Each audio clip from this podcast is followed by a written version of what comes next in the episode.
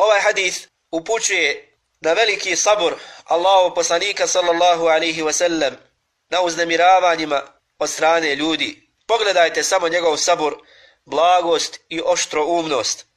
Poslanik sallallahu alaihi wa sallam nije se srdio radi sebe, niti se svetio radi sebe, nego je, svojim, nego je u svojim prsima nosio poslanicu od Allaha subhanahu wa ta'ala. Njegov cilj je bio da ljudi krenu pravim putem, da se pokaju, da im omili srca za islamom. Nije pozivao sallallahu alihi wa sallam sebi, nego je pozivao Allahu. Saburao je na uznemiravanjima ljudi radi Allaha i u ime Allaha, jer su ti ljudi neznalice, neodgojeni, nisu spoznali pravi put, pa je bio prema njima milostiv.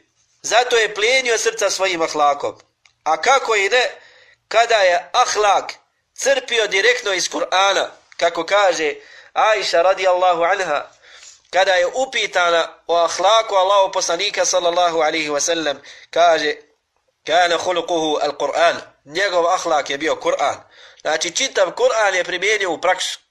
I tako trebaju da se ponašaju njegovi sljedbenici, vladari, uglednici, učenjaci, daje, predvodnici u narodu, trebaju da slijede Allahu poslanika sallallahu alaihi wasallam u ovome, da budu blagi sa ljudima, da trpe njihova uznemiravanja i nerazumijevanja, da praštaju i halale drugima, da se ne srde radi sebe, nego da saburaju radi Allaha i u ime Allaha, da na loše uzvrate najljepšim i najboljim. Kako naređuje uzvišeni Allah, idfa billeti hije ahsan, vrati na loše onim što je najbolje i najljepše.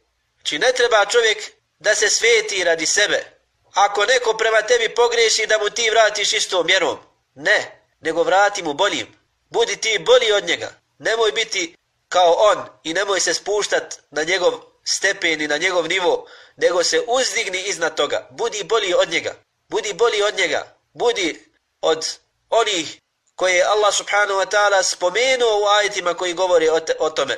وَمَا يُلَقَّاهَا إِلَّا الَّذِينَ صَبَرُوا وَمَا يُلَقَّاهَا إِلَّا ذُو حَظٍ عَظِيمٍ A to ne mogu uraditi, ne mogu na loše uzvratiti lijepim i najljepšim osim oni koji su se okitili svojstvom sabura i osim oni koji imaju i koje čeka velika nagrada kod uzvišenog Allaha nagrada za takav postupak, a to vallahi ne, ne može svako, to mogu samo velikani.